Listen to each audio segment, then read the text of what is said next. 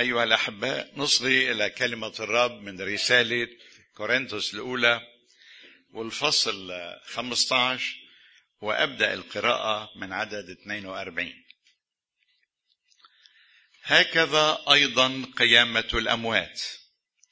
يزرع الجسد في فساد ويقام بعدم فساد. يزرع في هوان ويقام بمجد. يزرع في ضعف ويقام بقوة. يزرع جسما حيوانيا نفسانيا يحتاج إلى الطعام والشراب ليعيش ويقام جسما روحانيا. يوجد جسم حيواني طبيعة يعني لحم ودم ويوجد جسم روحاني. هكذا مكتوب أيضا صار آدم الإنسان الأول نفسا حيه وآدم الأخير روحا محييا. لكن ليس الروحاني اولا بل الحيواني يعني بهالحياه بعدين بيجي الروحاني بعد القيامة وبعد ذلك الروحاني. الإنسان الأول من الأرض ترابي الإنسان الثاني الرب من السماء. كما هو الترابي آدم هكذا الترابيون أيضا. وكما هو السماوي هكذا السماوي أيضا. وكما لبسنا صورة الترابي الآن سنلبس أيضا صورة السماوي المسيح. وكما لبسنا فأقول هذا عدد خمسين. فأقول هذا أيها الإخوة إن لحما ودما لا يقدران أن يرثا ملكوت الله ولا يرث الفساد عدم الفساد. هو ذا يعني ولا يرث الفناء الخلود. الخلود يأتي بعد الفساد بعد الفناء. 51 هو ذا سر أقوله لكم. لا نرقد رقاد الموت كلنا ولكننا كلنا نتغير في لحظة في طرفة عين عند البوق الأخير اللي بده يبوق رئيس الملائكة. فأنه سيبوق فيقام الأموات بلا فساد. ونحن الأحياء نتغير لأن هذا الفاسد يلي بيموت لابد أن يلبس الخلود عدم فساد. وهذا المائت يلبس عدم موت. ومتى لبس هذا الفاسد عدم فساد؟ ولبس هذا المائت عدم موت حينئذ تتم الكلمة المكتوبة تلع الموت من الغلبة. أين شوكتك يا موت؟ أين غلبتك يا هاوية يا قبر؟ أما شوكة الموت فهي الخطية وقوة الخطية هي الناموس أي الشريعة. إذا يا إخوتي الأحباء كونوا راسخين غير متزعزعين مكثرين في عمل الرب كل حين عالمين أن تعبكم ليس باطلا في الرب وليبارك الرب كلامه إلى قلوبنا. في هذا اليوم المجيد لابد الحديث أن يكون عن القيامة. والقيامة هي حقيقة مذكورة في الكتاب المقدس. وعندما نكون نقول مذكورة في الكتاب المقدس هذا يعني أنها حقيقية أنها ثابتة. وهذه الحادثة المذكورة بالكتاب المقدس يسندها التاريخ وشهادة الذين عاينوها ورأوا المسيح المقام. فهو قد ظهر لتلاميذه عدد من المرات فرادى في مجموعات صغيرة كما في البيوت ثم كما يقول بولس لأكثر من خمسمائة أخ وأخت على أحد الجبال وهذا كله يؤكد حقيقة قيامته. والذي يدل على حقيقة قيامته أيضا ليس ما ذكر في الكتاب وشهادة الناس أيضا يدل على قيامته عمله فينا. فالمسيح حي فينا. ونحن نشهد لهذه القيامة أنها تمت في حياتنا. فنحن كنا موتى في الذنوب والخطايا. كنا بعيدين عن الرب. كنا تائهين. كنا عبيد وأسرى للخطيئة. ولكن عندما قبلنا المسيح الحي حدثت قيامة في حياتنا. من موت الخطيئة من موت الشرور من قبور الفساد وأعتقنا وخرجنا. ألم يقم هو لعازر من بين الأموات؟ لعازر هلم خارجا؟ نعم وخرج الميت. هكذا الرب يسوع ناداني. ناداك ناداك. نادانا. وعندما نادانا غسان هلم خارجا اخرج من خطاياك من قبرك من فسادك من حياتك السابقة البعيدة عني. اخرج إلى حياة المعنى والفرح والابتهاج والقوة الروحية والمعنوية.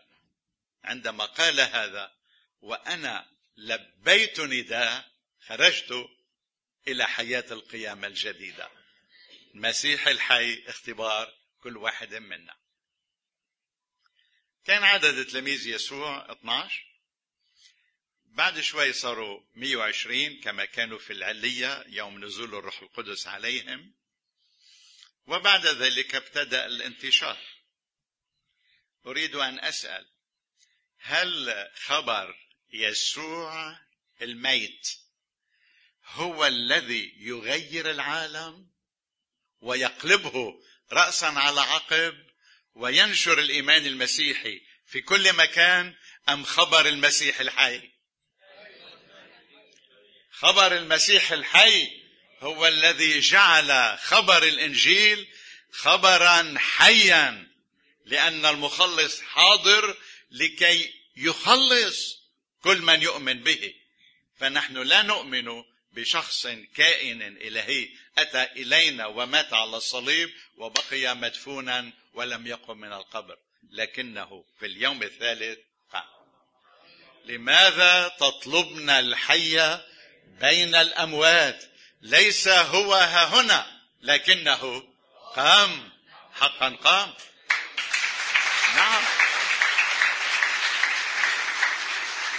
هذا الذي يؤكد قيامته المجيده أنه عامل وحي فينا. والآن آتي إلى معنى القيامة. أحبائي القيامة هي مرحلة مهمة من مراحل آه، حدث الخلاص أو مشروع الخلاص الذي جاء المسيح ابن الله لكي يتممه من أجل فداء البشرية. الآب في السماء كلف الابن الحبيب يسوع المسيح أن يأتي لفداء البشر. والمسيح قبل هذه المهمة راضيا مختارا. قبل لأنه يحبنا. ويحبنا لأنه هو الذي خلقنا. الذي به كان كل شيء هو الذي خلقنا. وهذا يعني أننا عمل يديه. وأريد أن أسألكم هل يحب الإنسان عمل يديه؟ أكيد مش هيك. ونحن عمل يديه أيحبنا؟ إلى أي درجة يحبنا؟ عاطفيا كلاميا إلى درجة أن يأتي ويصير بشرا مثلنا أم يتمم ذلك بموته على الصليب من أجلنا وهنا التضحية الكبرى. أحبائي القيامة هي مرحلة هي حلقة في سلسلة ويجب دائما أن نتصور ذلك. والآن أريد أن أضع أمامكم هذه الحلقات هذه المراحل في مشروع ابن الله لخلاصنا. المرحلة الأولى أو الحلقة الأولى من هذه السلسلة هي أن يأتي بشرا أن يتجسد ويصبح مثلنا لفدائنا. وهذا ما عمله المسيح وهو مالئ السماء والكون حدد نفسه وولد من مريم إنسانا بشرا مثلنا. فإذ قد تشابهوا فإذ قد تشابه بيقول برسالة العبرانيين فإذ قد تشابه الأولاد يعني نحن في اللحم والدم اشترك فإذ قد تشارك الأولاد في اللحم اشترك هو أيضا فيهما. صار مثلنا. ليبيد بالموت. ذاك الذي له سلطان الموت أي إبليس. ويعتق ويحرر أولئك نحن الذين خوفا من الموت. كنا كل حياتنا تحت العبودية. لقد أمات المسيح بموته الموت. وفي اليوم الثالث قام جاء بشرا لكي يمكنه أن يموت وأن يكون الفادي لنا أن يكون مثلنا أن يضحي بحياته من أجلنا. جاء وصار بشرا. هو الإله الذي تأنس. مش إنسان هو وتاله لا لا. بالعكس. هو الإله الذي صار بشرا. ليش بنقول الإله؟ لأنه المولود من الله لأنه ابن الله. الحامل في ذاته كل الطبيعة الإلهية. ونحن بنقول حتى نفهم نور من نور. نور من نور. هيك العلاقة مع الله. مش زواجات وأشياء جسدية ابدا. نور صادر من نور. هو ذاته. إذا أنا حطيت هوني هلأ شمعتين وحدة مضوية وحدة مطفية. وجبت المطفية وقربت الفتيلة من النور من النار الموجود. وعملت هيك وضويت وعملت هيك. هيدا نفس النور؟ امين هو ذاته؟ إيه؟ هو ذاته مش هيك؟ إيه. نور من نور. مشان هيك لما نقول ابن الله معناتها انه هو نتاج هالنور من هالنور من نور الله. يعني كيف النور شبهناه بالله؟ هو نفس النور يلي اجى من الله. مشان هيك لما نقول الإله تجسد مش يعني عنا إله تاني عنا إله واحد نحن. بس المسيح يلي حامل في شخصه نفس الطبيعة نور من نور هو اللي اجى لعنا ومات عنا على الصليب. هيدا النور اللي من النور يسوع من الله جاء إلينا وصار بشرا. كيف هلأ ما نتصالح مع الله؟ به. هو من الله جاي بيمسك بإيده الله. صار بشر. بيمسك بإيده البشرية نحن وبيصلحنا لأنه في يجتمع الألوهة والإنسانية والناسوت هو الإله الإنسان. بإيد بيمسك الله وبإيد بيمسكنا وبيصلحنا. وهذا اللي عمله من شأننا على الصليب. له كل المجد. من شأن هيك لابد من حلقة اسمها التجسد أن يأتي ويصير بشرا. تألم من أجل ذلك خسر تواضع حدد ذاته تألم بصق في وجهه وهو رب المجد تحمل كل ذلك. علق على الصليب؟ نعم. حبا بمن؟ بنا. هذا الصليب أي العقاب على الخطيئة كان من حقي كان علي. كنت أنا المجبور ادفعه. أنا الخاطي أنا اللي لازم موت. أنا اللي لازم أتعاقب على خطيتي لكن يسوع ابن الله تبرع. تبرع أن يأتي ويقول أنا أموت من أجل غسان أنا أحمل خطاياه أنا أموت من أجلك وأحمل خطاياك. أنا أموت لأجلك وأحمل خطاياك. وبسبب ذلك بدل أن يقع الغضب الإلهي يعني قصاص الله على الخطيئة بدل أن يقع علي وعليك وقع على من؟ عليه. حبا بنا. والله رضي بذلك لأنه يريد خلاصنا. وبدل أن يعاقبنا على خطايانا عاقبنا بابنه. فأية محبة هذه؟ هكذا أحب الله العالم. حتى بذل ابنه الوحيد لكي لا يهلك كل من يؤمن به بل تكون له الحياة الأبدية. المحبة أنه نحن وما منسوى المسيح يضحي بحياته من أجلنا. هيدي المحبة. من أجل ذلك الحلقة الأولى كانت التجسد. الحلقة الثانية كانت الموت على الصليب. طبعا في حياته الكاملة اللي عايشة بس عم بركز على النقاط الأساسية. كان الموت على الصليب. هذا الموت كان ضروري لحياتنا. لأنه إذا ما بيموت هو نحن اللي بدنا نموت. لكن إذا بيموت هو قصاصا عنا نحن نحيا. فكان موته حياة لنا.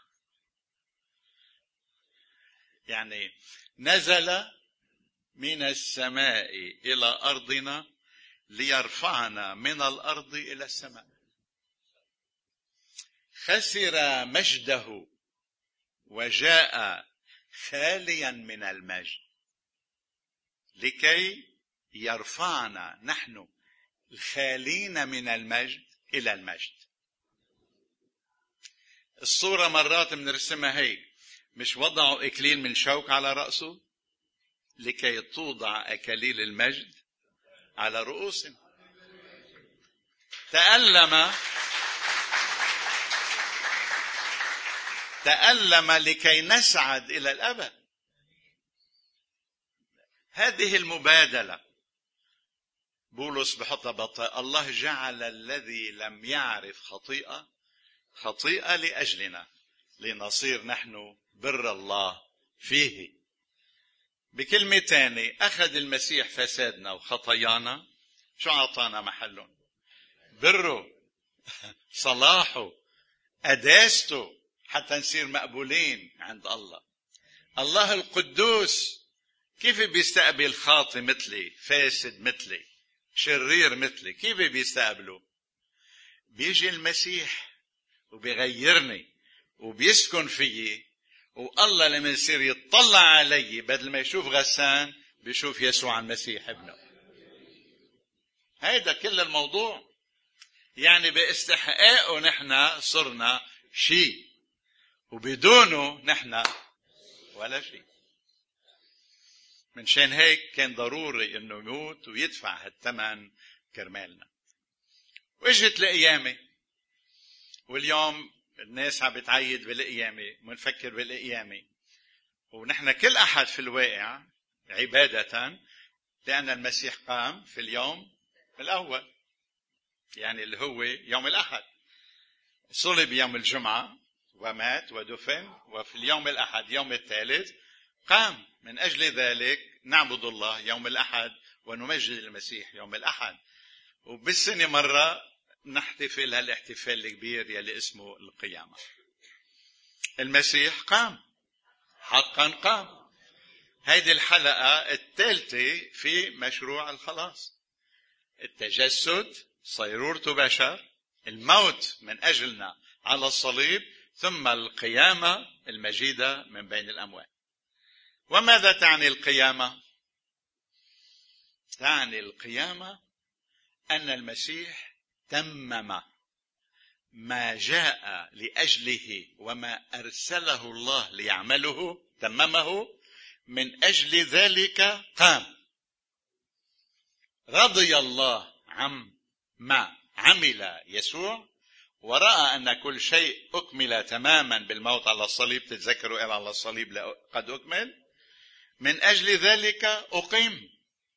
لاحظوا كيف يضعها الرسول بولس في فيلبي الإصحاح الثاني والعدد ثمانية شو بيقول؟ بيقول وضع نفسه لأجلنا وأطاع حتى الموت ومش أي موت موت الصليب.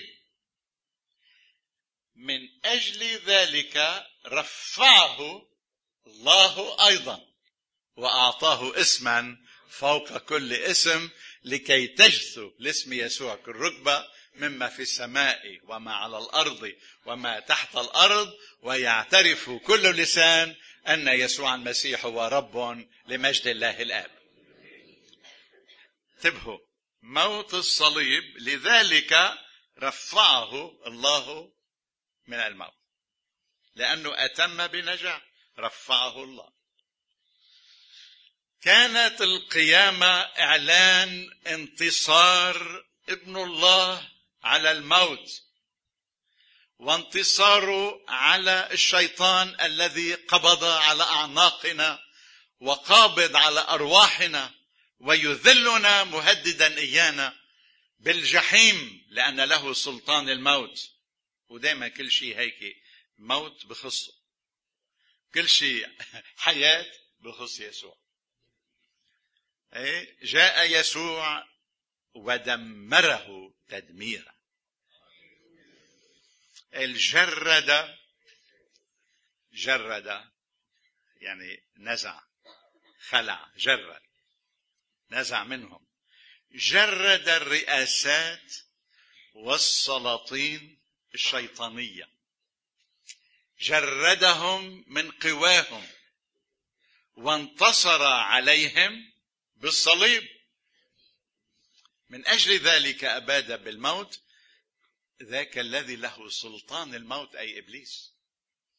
فيسوع بموته قهر الشيطان أذله وقضى عليه. فكم بالاحرى بقيامته المجيدة من بين الاموات إن كان بنقطة ضعفه غلب الشيطان بنقطة قوته شو بيعمل؟ له كل المجد. إلى الأبد.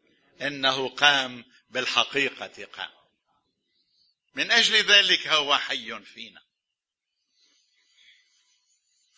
وبعد القيامة جاء الصعود. وذلك بعد أربعين يوم من قيامته من الموت. ظهر لتلامذته علمهم أمور كثيرة ثم رفع يديه باركهم وأصعد إلى السماء. ورأوه يصعد. جاء ملكان وقالا لتلامذته. ما بالكم تنظرون إليه صاعدا وكأنه لن يرجع? إن يسوع هذا الذي ارتفع عنكم إلى السماء سيأتي هكذا كما رأيتموه. آمين. منتصرا اتيا من السماء سترونه. اتيا. اذا في مرحلة اسمها مرحلة الصعود. وهذا الصعود هو لكي يستلم زمام كل سلطة وقيادة تحت رئاسة الله الآب في كل ما يجري في هذا الكون. أي أن يسوع بصعوده قد ملك من جديد على الأرض. على الكون بكل ما فيه. أقامه الله رفعه فوق كل رئاسة وسلطان وقوة وسيادة. وهودي التعابير كلها ملائكية وشيطانية. فوقهم أجلسه فوقهم. على راسا للكنيسة. وجلس عن يمين الآب يعني مركز السلطة. ألم يقل يسوع عند وداعه تلاميذه عند صعوده قال لهم دفع إلي. أي الله دفع إلي. دفع إلي. كل سلطان في السماء وعلى الأرض. فاذهبوا وتلمذوا جميع الأمم وعمدوهم باسم الاب والابن والروح القدس وها أنا معكم كل الأيام وإلى انقضاء الدهر. في في أجمل منها هي. هذا الوعد المجيد. صعد لكي يملك ويكون فوق كل رئاسة وسلطان. ونحن مرات بنفكر إنه هلأ الشيطان عم بيسرح ويمرح بالأرض. ومرات بنصدق لمن قال الشيطان ليسوع إذا بتسجد لي بعطيك هذه كلها لأنه إلي قد دفعت يعني أعطي أعطيت لي. أكبر كذاب. لم يعطى له شيء. الملك في الكون هو للرب يسوع المسيح. له كل سلطان. هو الذي يقيم ملوكا ويعزل ملوكا. وإياكم شي مرة تظنوا إنه خيوط السياسي بتفلت من بين إيدي. إذا نحن مش قادرين نشوف هو اشع وهو بيشوف. إذا نحن نظرنا قصير هو نظره طويل. إذا نحن عمرنا سبعين هو أبدي. مرات نحن بنكون محروقين. ليش يا رب؟ وشو عم بيحدث يا رب؟ مقاسي معقولة؟ انتبهوا بالأخير. كل شيء سيؤول ويأتي إلى أن يخضع كل شيء لسيادة الرب يسوع المسيح. هو المنتصر والغالب هو رب القيامة وبهذا نؤمن. وكل مرة كان في ضيقات على الكنيسة وقالت الكنيسة المؤمنين فيه إيه، أصبحوا بحالة يأس.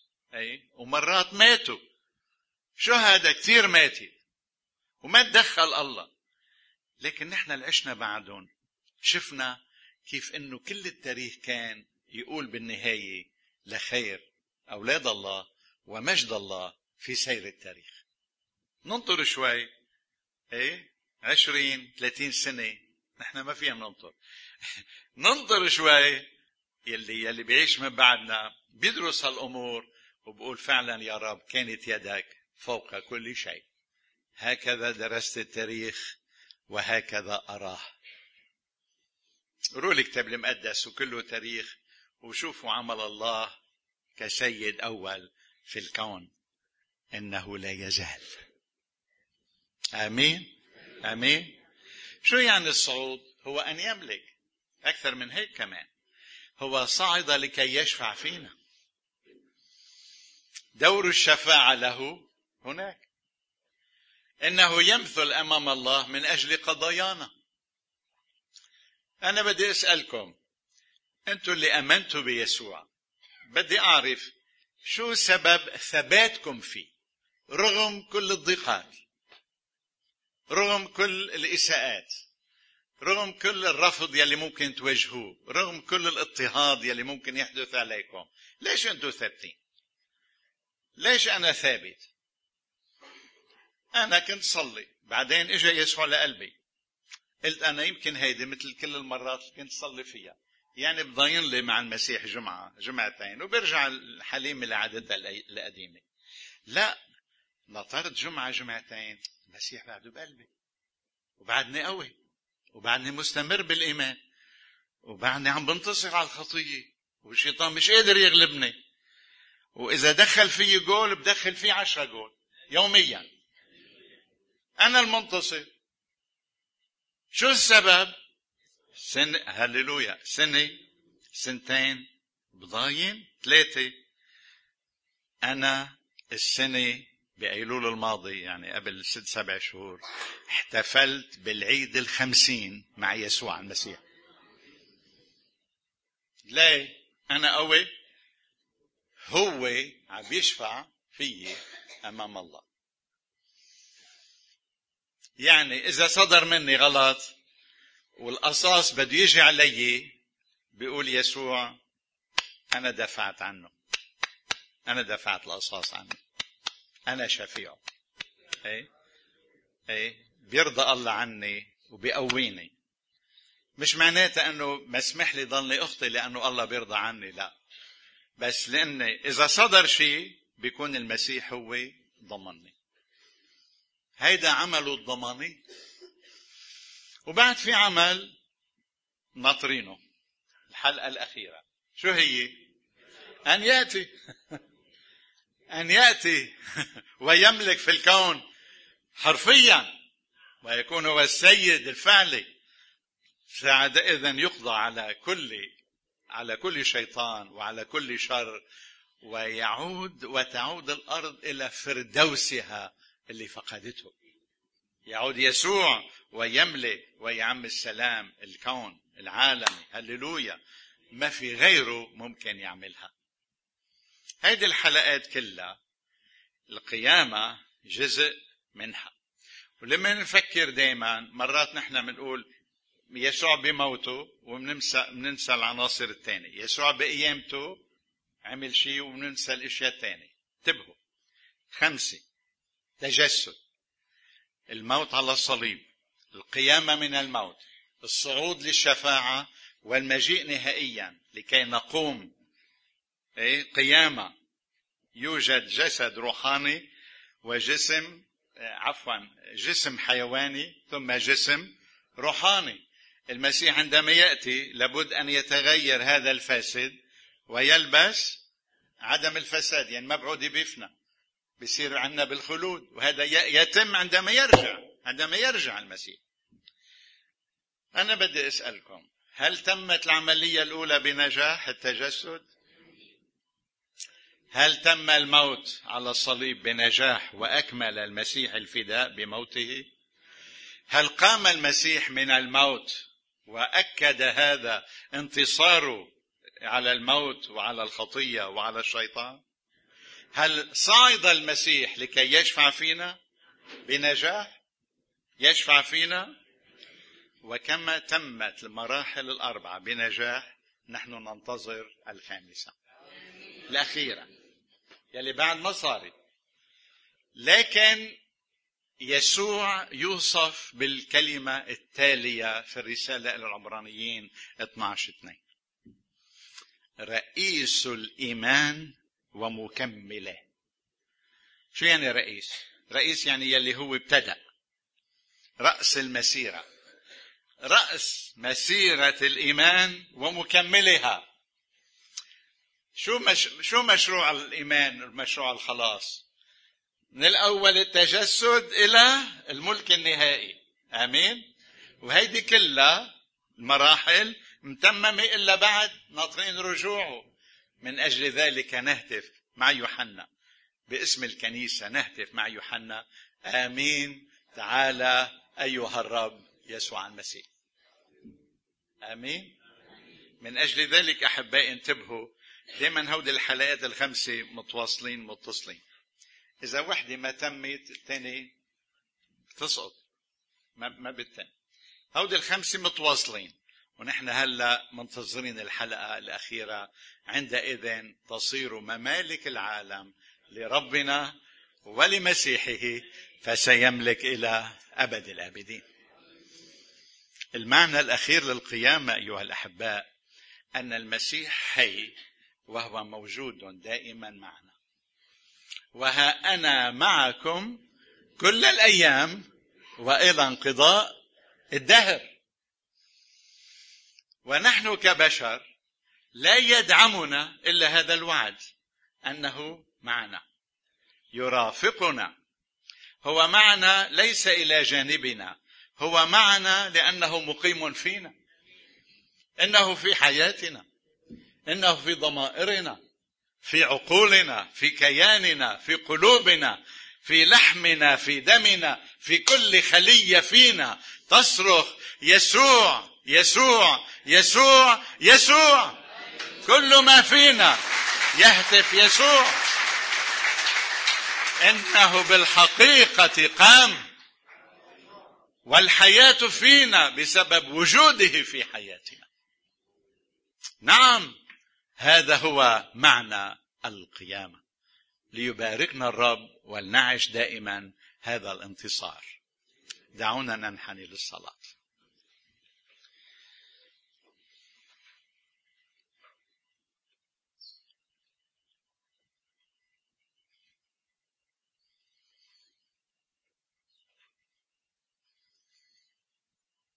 إلهنا الصالح الآب المبارك يا من أرسلت الابن الحبيب يسوع المسيح لفدائنا وخلاصنا ننحني أمامك يا إلهنا الحي. أيها الآب السماوي المبارك المحب يا ابو ربنا يسوع المسيح. يا ابا ربنا يسوع المسيح تعال وتغلغل فينا بالروح القدس. واجعل المسيح يحيا في أذهاننا وفي قلوبنا وفي ضمائرنا. لكي نعيش حقيقته دائما في حياتنا يوما فيوما. أشكرك أيها المسيح الحي لأن بقيامتك أقمتنا معك من الموت والخطيئة والفساد. وأعطيتنا هذه القوة الداخلية المعنوية الروحية لكي نعيش لك منتصرين في هذا العالم. لا يغلبنا الشر ولا الفساد ولا الشيطان بل بانتصار دائما نهتف المسيح قام نستمر في حياة الإيمان لأن المسيح قام أنت ترضى عنا لأن المسيح قام أنت تسير معنا وساكن فينا لأنك معنا لأن المسيح قام لأنك قمت ظافرا وغالبا من الأموات. أضرع إليك أيها الرب أن تضع يدك بالبركة على رأس كل واحد منا. نحن الموجودين أمامك. أرجوك أن تحسس كل واحد منا بهذه اليد على رأسك. يدك أنت أيها الرب على رأس كل واحد منا بالبركة. قل لكل واحد منا أنت لي. أنت لي. أكد لكل واحد منا حبك الذي لا يوصف. حبك في الصليب حبك بالموت من أجلنا. حبك بالعناية فينا حبك بالوجود في حياتنا دائما. حبك بالشفاعة فينا. حبك بالرجاء أننا ننتظرك آتيا على سحاب السماء لكي تملك في الكون وتمجدنا معك. أرجوك أيها الرب أن كل قلب أمامك جائع إليك أن تشبعه. أيها الرب كل قلب عطشان إليك أرجوك أن ترويه. كل قلب يطوق إليك يشتاق إليك أرجوك أن تأتي إليه وتريه نور وجهك الكريم المحب الحنون. كل إنسان تائه بعيد أرجوك يا رب أن تضمه إلى صدرك. كل إنسان يفتش عنك أرجوك أن تجده أنت يا رب. لا هو يجدك لأنك أنت تبحث عنا وتفتش عنا. من أجل ذلك إلهي أرجوك أن تمد يدك بالبركة إلى كل إنسان أمامك مهما كانت حاجته وأنت تعطيه إياه. أمسك بيد كل واحد منا ساعدنا في الحياة رافقنا يا إلهي. أنت مخلصنا وحافظنا. أنت مخلصنا والمعتني بنا. أنت مخلصنا الدائم. لا عودة للوراء لأنك أنت معنا. لن يغلبنا كائن لأنك أنت المنتصر الكامل في حياتنا. نعم أيها الرب. قلبي يهتف لك. وأمام إخوتي وبلسانهم أردد ومن يرغب أن يردد معي فليقل المسيح قام. إنه في حياتي. أحبك أيها الرب. أنا لك. أحيا لك. غرامي أنت. عشقي أنت أيها الرب. حياتي أنت. روحي أنت. أنا إلك. أنا لك. قولوا معي. أنا لك. أيها المسيح الحي أحبك لأجل ما عملت عني على الصليب. أحيا لك حياتي لك قلبي لك أحبك أحيا لك. أبانا اسمع صلاتنا مباركا كل واحد منا. باسم فادينا الحبيب يسوع المسيح ولك الشكر به إلى أبد الأبدين. آمين.